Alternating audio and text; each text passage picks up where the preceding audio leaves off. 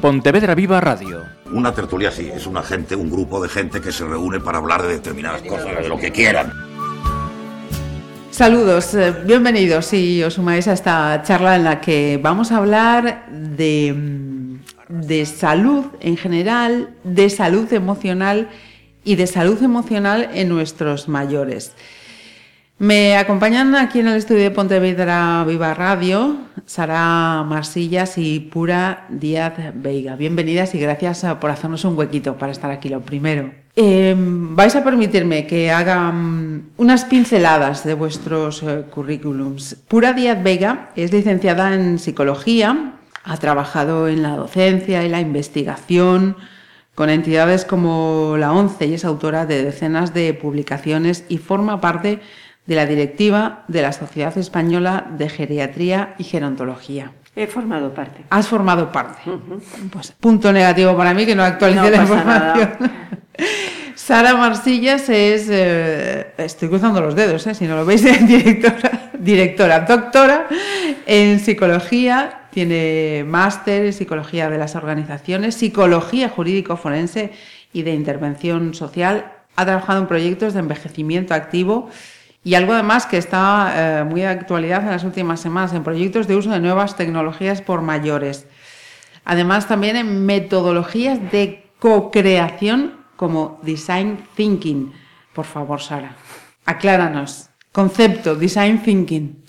El concepto de Design Thinking, bueno, es una metodología que, que en castellano sería, ¿no? Pensamiento de diseño y un, bueno, un poco lo que, lo que trata de conseguir es acercarse a las necesidades reales de las personas para solucionar los problemas que están detrás de las necesidades aparentes, bueno, pues por, medio de, ideas un poco divergentes, pero un poco lo principal, ¿no? o quizás más diferenciador, es que trata, trabaja mucho con prototipos, prototipa las ideas con, el final, con la finalidad de fallar pronto, aprender y, seguir mejorando el proceso. Es como una metodología iterativa que permite aprender mucho para acercarse a las necesidades reales de las personas.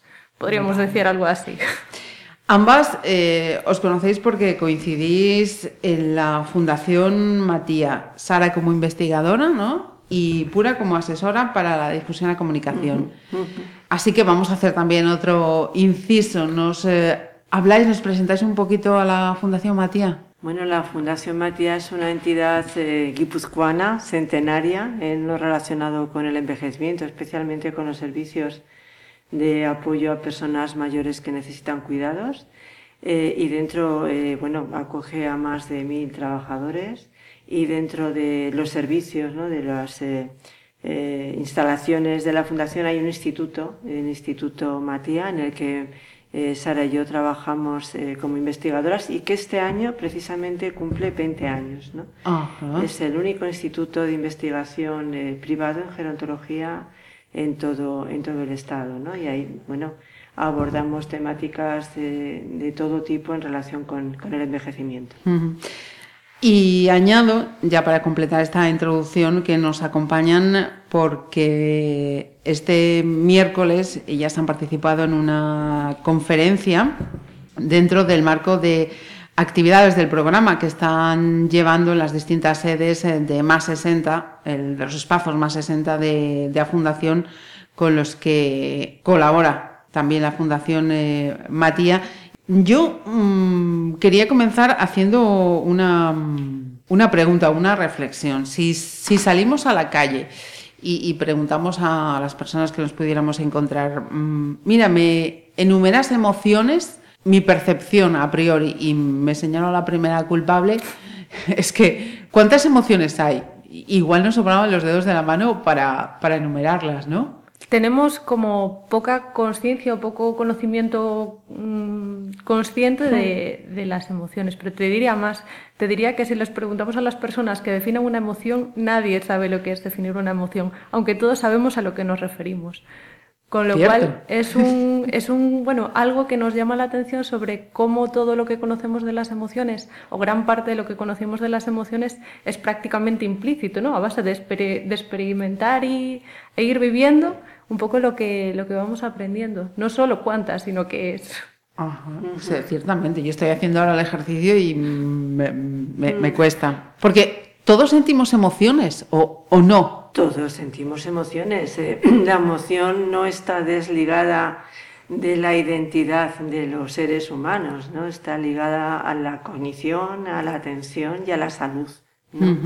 Eh, conforman, o sea, nuestra estructura, ¿no? Como, como personas. Entonces, todos eh, experimentamos emociones, diría más.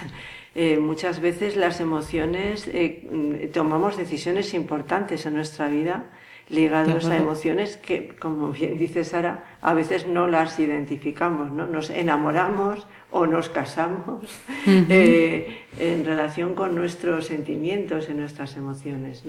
Otra cosa es que tengamos vocabulario emocional, ¿no? O que estemos alfabetizados emocionalmente pero desde luego la, la emoción, eh, eh, no solo desde nuestra disciplina, ¿no? que es la psicología, desde la neurofisiología, ¿no? desde la biología, está, está eh, identificado como algo que nos, que nos configura ¿no? como, como seres humanos. ¿no? Precisamente en lo que es educación emocional, vosotros sois, estáis especializadas en, en el ámbito de las personas mayores a puro ejercicio del día a día, ¿no? Eh, vamos, eh, quiero pensar, eh, aprendiendo. Mm, pero cualquiera de, nuestras generaciones, de, las tres que estamos, estamos ahí, nos han educado que hay que desarrollar la, inteligencia, ¿no? Hay que trabajar las matemáticas, hay que trabajar ciertas disciplinas, pero también tenemos una inteligencia emocional, que no sé si mm, se, se ha trabajado eh, vamos por partes. Inteligencia emocional, inteligencia intrapersonal e interpersonal, que todos las utilizamos, pero igual no identificamos. Os quería pedir que de qué hablamos cuando hablamos de inteligencia emocional, interpersonal e intrapersonal. Bueno, eh, yo creo que los tres conceptos agrupan habilidades eh, relacionadas con el, con el bienestar, ¿no? con el bienestar personal y con el bienestar eh, relacional, ¿no? que yo creo que tienen, eh, que tienen mucho, mucho sentido. ¿no? Eh, y lo que, fíjate, lo que tú has denominado, lo que has mencionado al principio es inteligencia, es decir, que hacen falta capacidades o habilidades en relación con estos conceptos. Igualmente, como hace falta habilidades con lo relacionado con el ámbito cognitivo, ¿no? Y como ayer le comentaba Sara en la cena, eh, no sé si te, eh, porque a veces no me acuerdo, tengo algún déficit cognitivo ya, eh, cuando yo era joven, no más joven, quiero decir que ahora, em, a mí me hicieron pruebas, como mucha gente en los colegios, para saber tu CI, tu CI intelectual, ¿no? pero a mí nadie me examinó ni me evaluó acerca de mis competencias, estas competencias intrapersonales o personales o emocionales. ¿no? De modo que estas competencias yo creo que tienen un poquito menos de desarrollo de trayectoria que las competencias cognitivas. Eh, bueno, eh, desde que salieron, yo creo que se fueron pues, poniendo en evidencia que eran importantes el libro de, Goleman, ¿no? Sara, ¿Cómo se llamaba el libro de Goleman? Goleman, Inteligencia Emocional. Inteligencia Emocional, yo creo que fue un poco el desencadenante ¿no? de un montón de, de textos que ponían de relieve este asunto y, luego eh, ha habido muchísimo interés, yo creo, eh, no, solamente en el campo clínico, sino en el campo educativo, en relación con, con, la importancia de las emociones y la educación y la enseñanza, ¿no? y la, la importancia de la motivación, de la, eh, de, la, de la relación entre la emoción y la cognición, ¿no? Eh, para fijar la atención en una serie de, de cuestiones educativas, ¿no? Eh, no se escuchaba antes, hace unos días, ¿no? un vídeo en el que eh, hablaba de la importancia de que uno no recuerda muchas cosas, pero sí recuerda a sus profesores, a los buenos profesores, ¿no? A los profesores, pero que eso es una cuestión emocional, ¿no? De, Cierto. De que te ayudan a establecer, que, que a lo mejor son decisivos a la hora de tomar una decisión en tu vida, ¿verdad? Yo creo. Sí, además eh, añadiría que respecto a la etapa educativa, además, también tiene mucha importancia porque, bueno, por la relación que hay entre el pensamiento y la, la emoción, también tener cierto tipo de emociones, saber provocar cierto tipo de emociones nos ayuda a motivarnos, nos ayuda a acercarnos a unas metas. Entonces, claro, conocer las emociones eh, entenderlas, reconocerlas, es muy importante precisamente también por, toda esa otra parte, cómo me acerco a lo que yo quiero en la vida. Tiene mucho que ver también con la capacidad de gestionar las emociones. Y entiendo entonces que así como esos otros eh, conceptos, eh, esas emociones, esa inteligencia emocional, deberíamos aprenderla a, desarrollarla, a entenderla desde pequeños. ¿Es así? Absolutamente, hmm. absolutamente.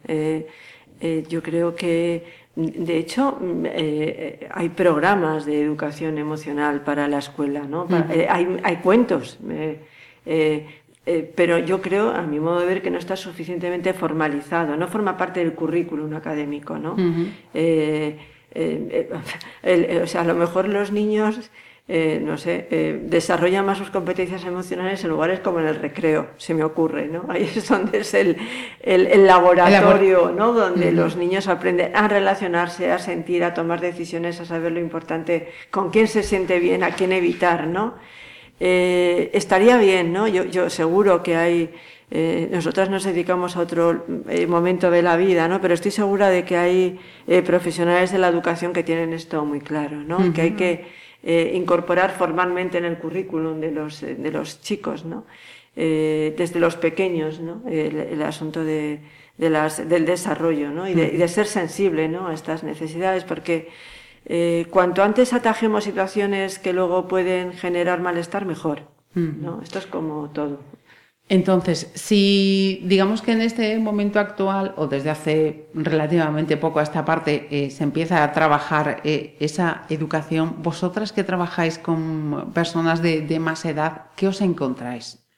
¿Cómo está esa educación emocional en, nuestras personas mayores? Bueno, eh, una cosa que ocurre cuando hablamos de personas mayores es que se incrementa una variable que es la diversidad.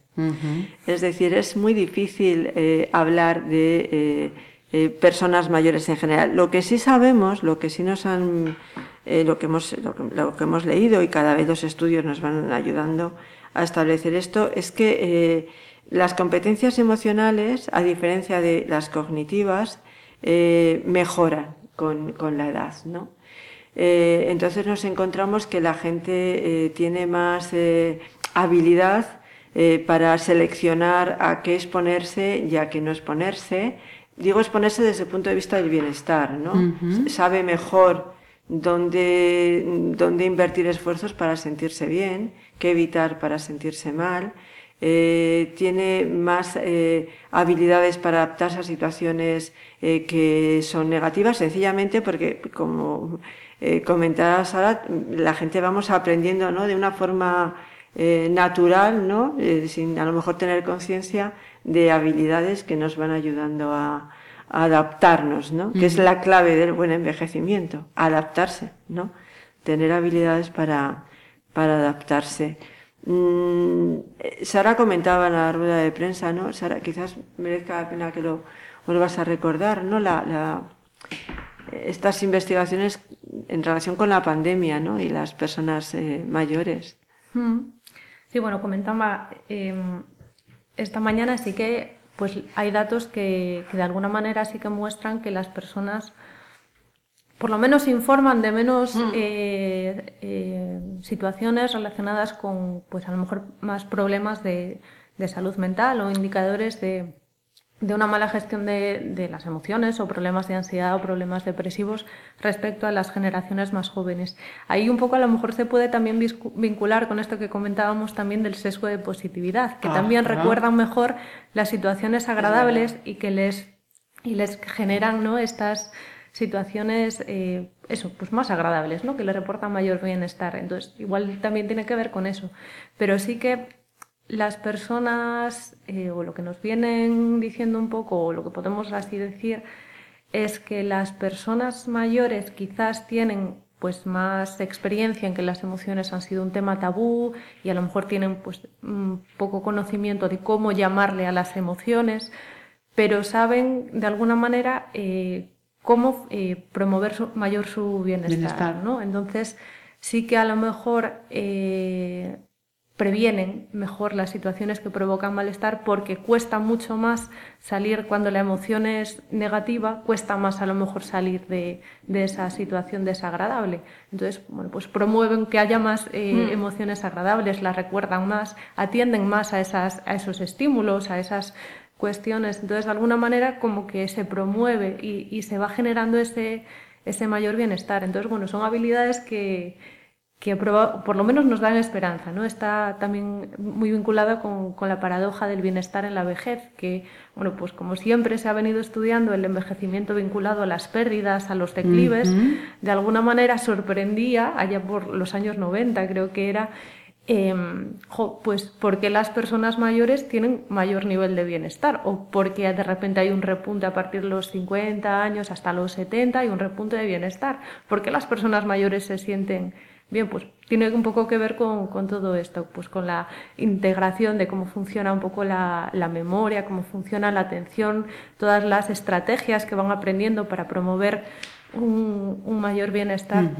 Bueno, pues nos da un poco de esperanza, ¿no? Sí, yo, creo que en el, en el, ámbito de la gerontología las emociones nos han venido a poner las pilas y a cuestionar, bueno, esto entre otras cuestiones, ¿no? Pero en nuestro ámbito más psicosocial, ¿no? Que, que no todo es déficit, no todo es déficit, ¿no? que, que seguramente mm, eh, hay que tener una perspectiva más eh, abierta para comprender la complejidad del significado del, envejecimiento, ¿no? Eh, porque como te decíamos antes, hay una esto, eh, emoción, salud física, mm. salud clínica, ¿no? Está, está asociado, ¿no? Sí, sí, sí. Eh, y la cognición. Entonces, yo creo que incorporar en la cesta del envejecimiento de la emoción nos obliga a, bueno, a comprender mejor el proceso de, del envejecimiento. ¿no?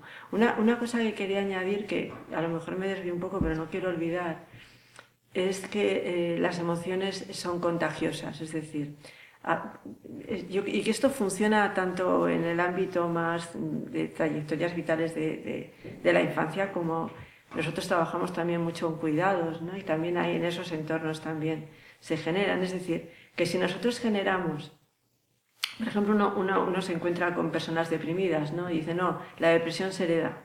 No, la depresión se aprende, ¿no? Es decir, yo creo que en este sentido es muy importante ser consciente de, de esto, ¿no?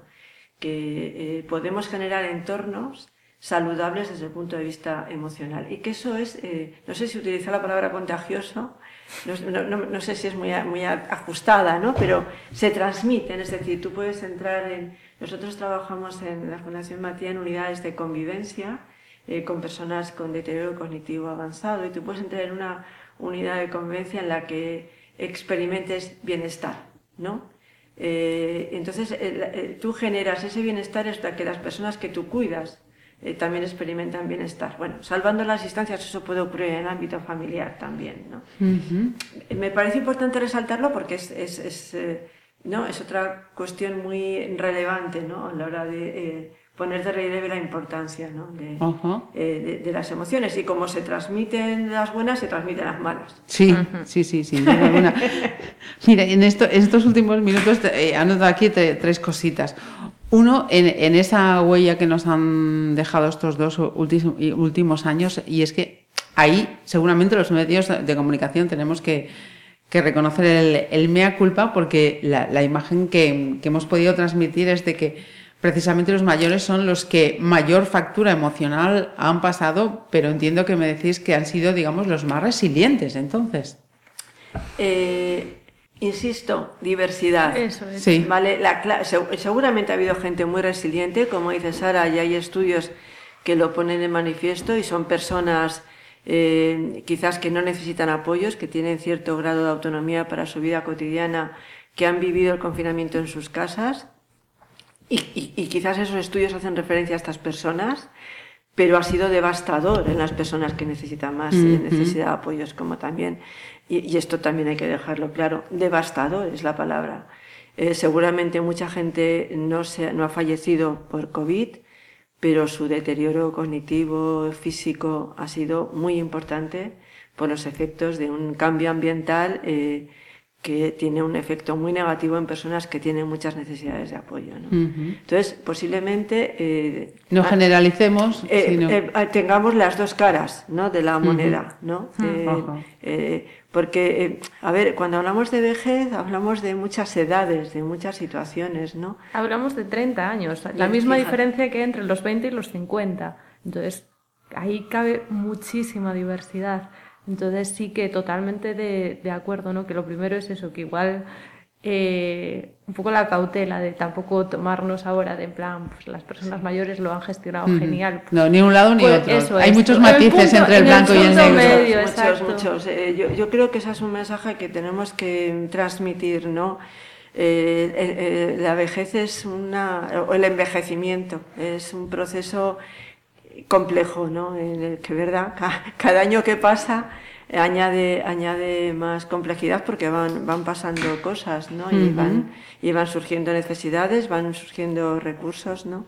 Y como dice Sara, pues yo cumplo este año 65, eh, mi madre tiene 92, pues mire usted, mm, nuestras, o sea, seguramente las dos somos mayores, ¿no? Según ¿no? lo formalmente establecido, que eso igual también hay que revisarlo en algún momento.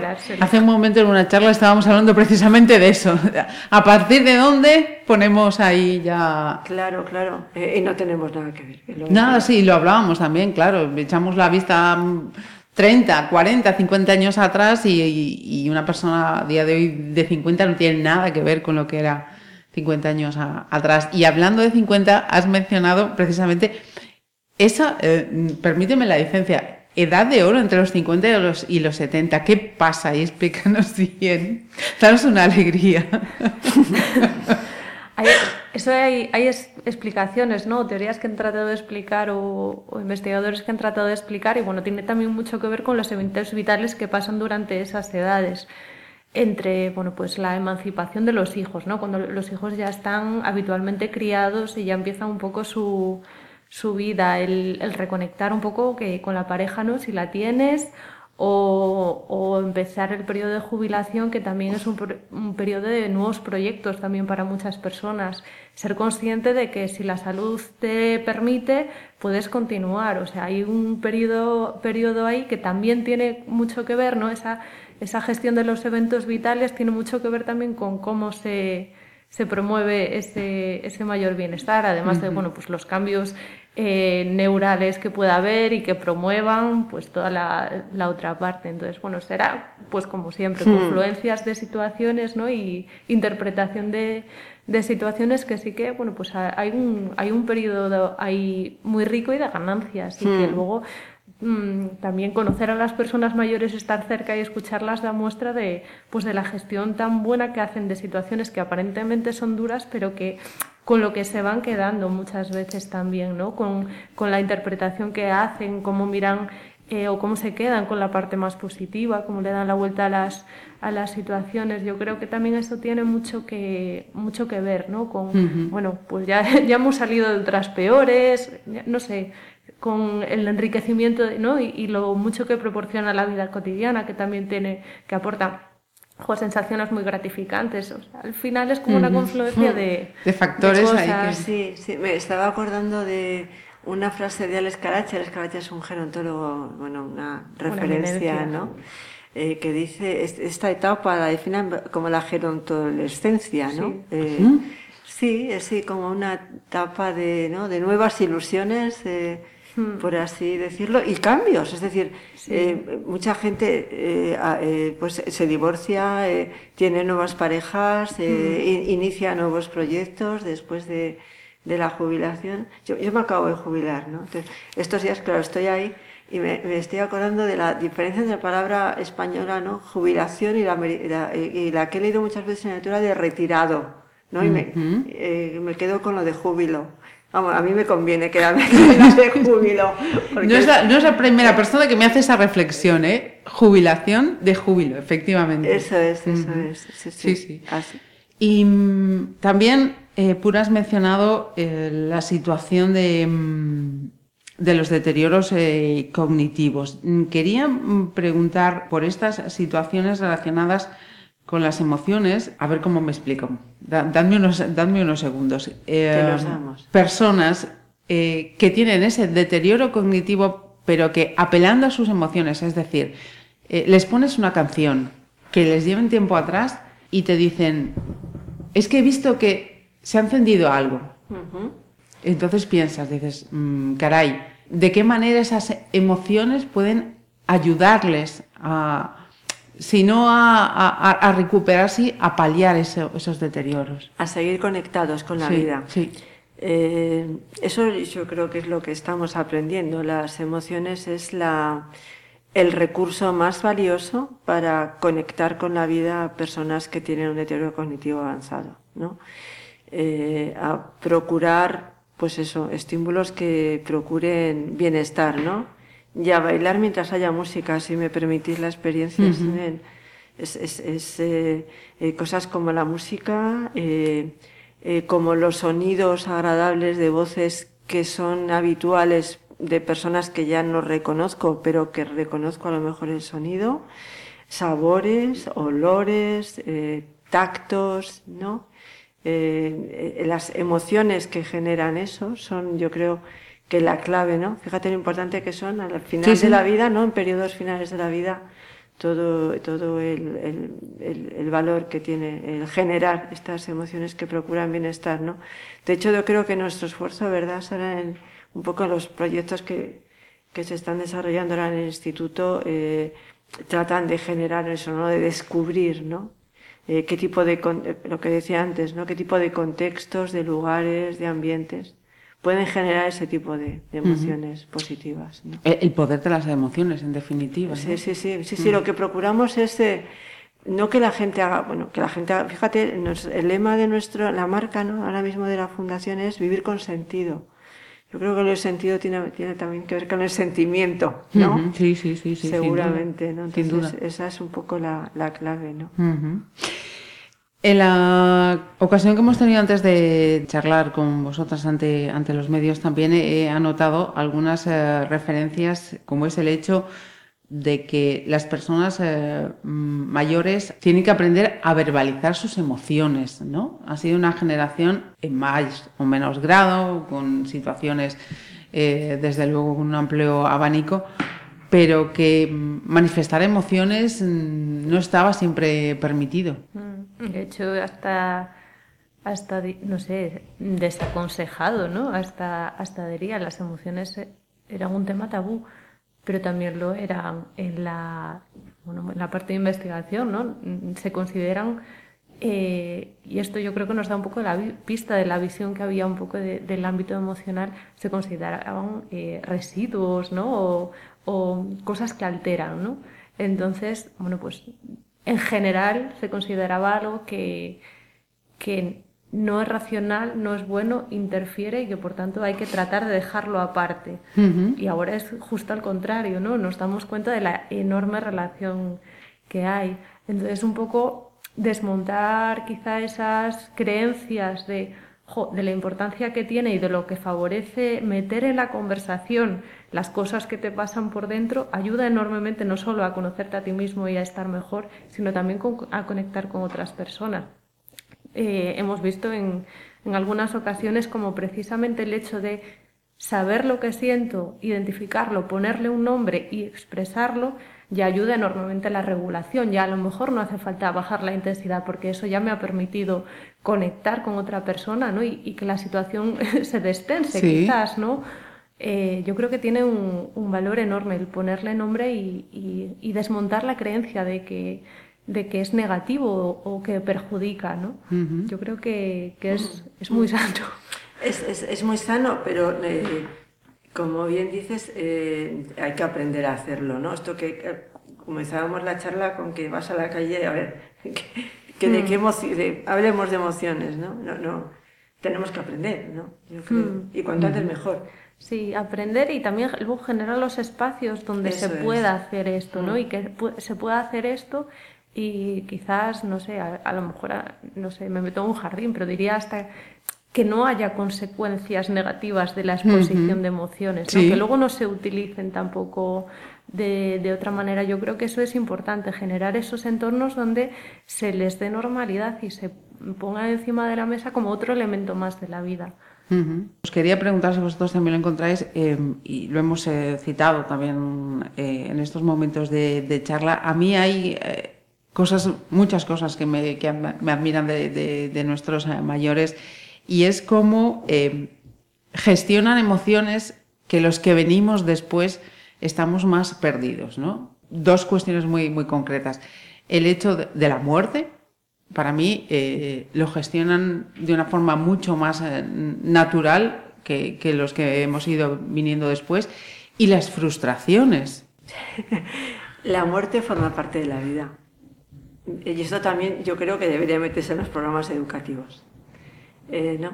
Es así. Eh, eh, claro, de hecho a los niños cada vez se les oculta más, claro, se les claro. más. Esto lo, yo lo, a veces lo he comentado con, con Laulestia, te acordarás de él, fue presidente de la Confederación de Asociaciones de Enfermos, de, familiares de enfermos de Alzheimer, ¿no? Eh, sí, la, o sea, la fuerte forma parte de la vida y los, eh, la gente fallece, no desaparece. fallece, no desaparece. Quiero decir pues que cuando uno se, muere, pues está bien que se despida de todo el mundo, incluyendo a los niños, ¿no? O sea, yo creo que eso eh, forma, hay que normalizar la vida y hay que normalizar las pérdidas, ¿no? Porque eso también es muy, muy saludable, porque está claro que todos nos vamos a morir. Entonces, a veces vivimos eh, sin hacer frente a eso, ¿no? Entonces, bueno, yo creo que también es otro, otro recadito para la gente del ámbito eh, educativo, ¿no? Y, las personas mayores, yo creo que las personas que envejecen, que envejecemos, eh, eh, bueno, nos, vamos preparando para, ¿no? para cosas que nos van a ir ocurriendo. Y las personas que envejecen y que envejecen cada vez más, porque cada vez pasa más tiempo, pues yo creo que normalizan más la, eh, las pérdidas, porque eh, es, forma parte de, Recuerdo que mi suegra decía, no, eh, una de las cosas que más me fastidian de envejecer es que me quedo sin amigas porque se mueren, ¿no? Entonces pasaba mucho tiempo en los sanatorios porque efectivamente se formaba parte de la vida la pérdida de las personas mayores, ¿no?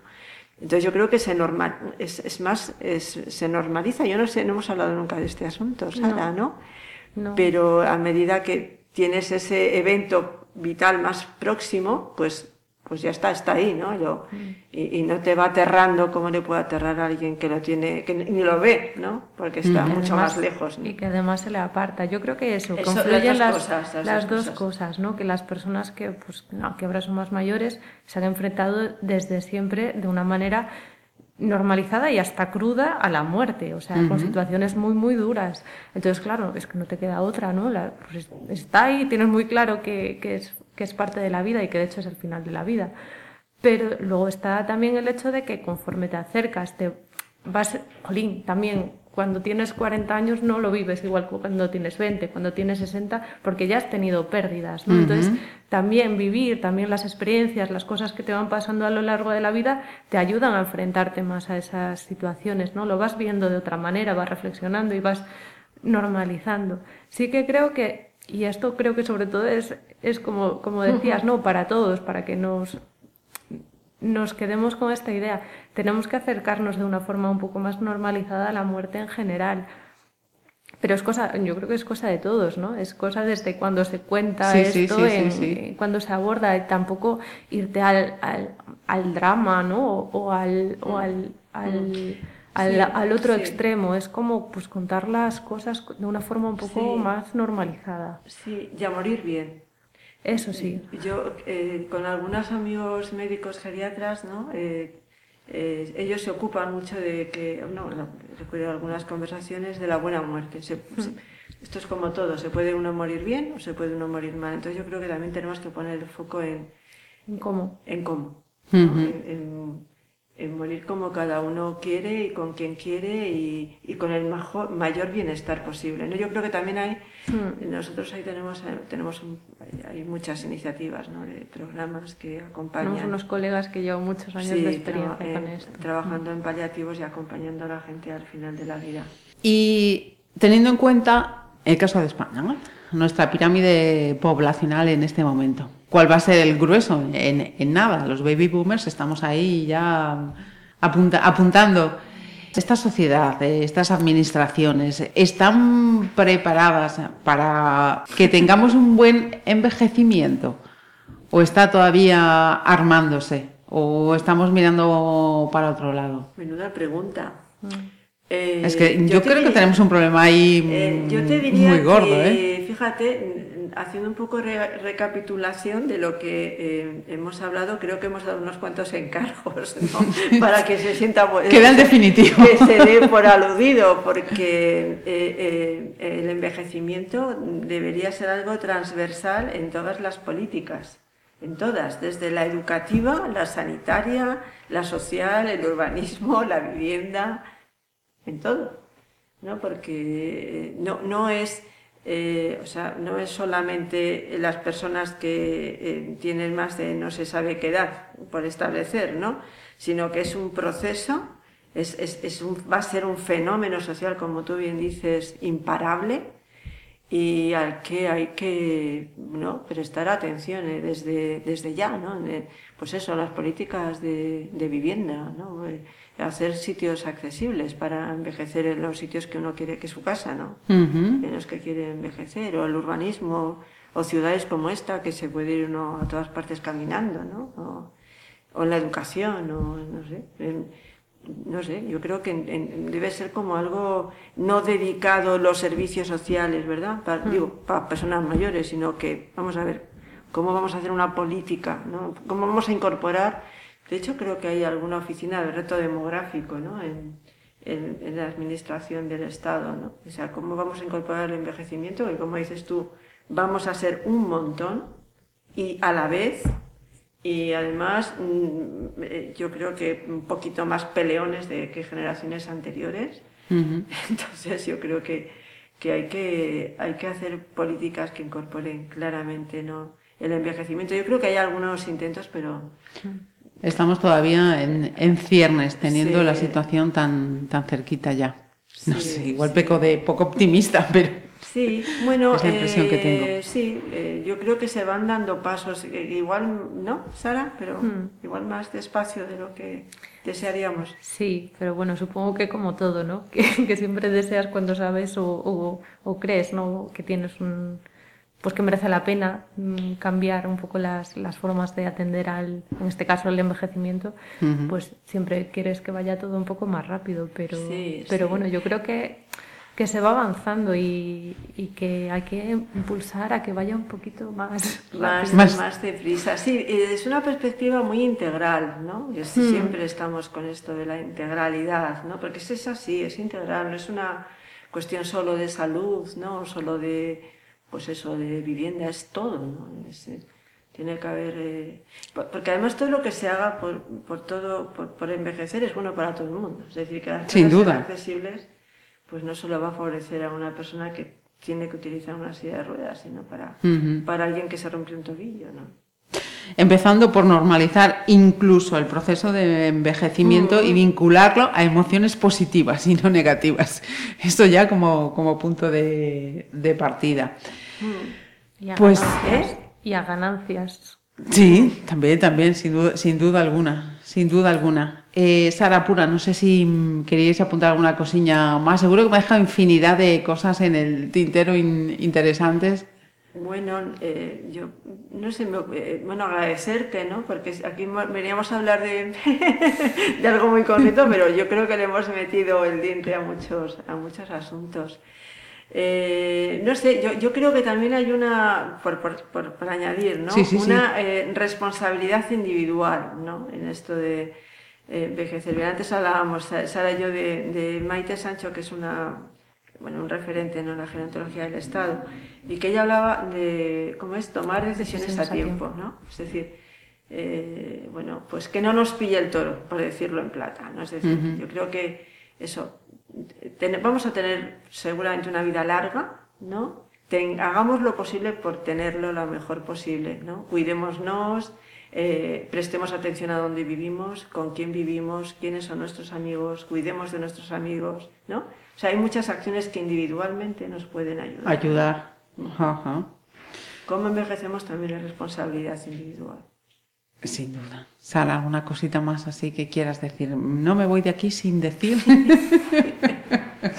Iba a hacer una broma muy tonta y no me voy de aquí sin decir que soy pontevedresa. Mira, yo sospechaba, sospechaba por lo que he visto. Eh, psicología, Santiago ha dicho, eh, por aquí tiene que ser, por aquí tiene que ser, o sea que estás en casa. Estoy en casa, estoy en casa y feliz de estar en casa. Yo, como pura, agradecerte enormemente el, el espacio, ¿no? Un poco para, para, conversar y reflexionar. Llevamos varios días preparando lo que vamos a hacer esta tarde y cada vez nos sale diferente. Pero yo creo que también da muestra un poco del, no sé, del disfrute y de la complementariedad que, que tenemos, ¿no? Hablando un poco de, de, este tema y también agradecerte generar este espacio tan mm. agradable para, mm. para hablar de, de, estos temas. No sé, yo creo que, sí, que más que un poco más que agradecer. Sí, sí, sí, porque los medios tenéis muchísima, como decías antes, muchísima importancia y responsabilidad, ¿no? que vaya cambiando. Y necesidad este de, adquirir también conocimientos emocionales y cognitivos en relación a estas cuestiones. todo lo que he dicho, que no todo es son, eh, son flores. Por cierto, eh, en próximos días además vamos a tener también otra charla eh, relacionada con el arte de envejecer, que me ha gustado a mí también esta frase. Muchísimas gracias a las dos. Gracias a ti.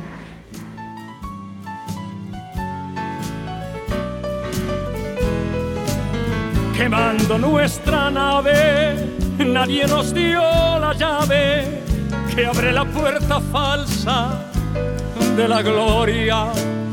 Ni roto ni muñeco, más húmedo que seco, lo nuestro es un mañana con memoria.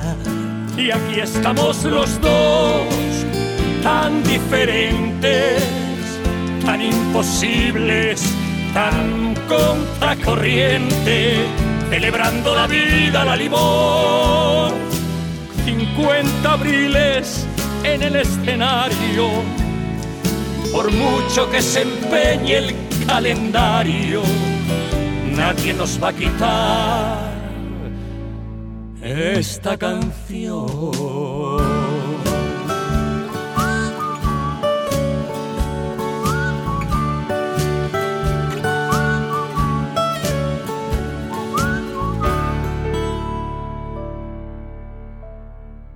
Pontevedra Viva Radio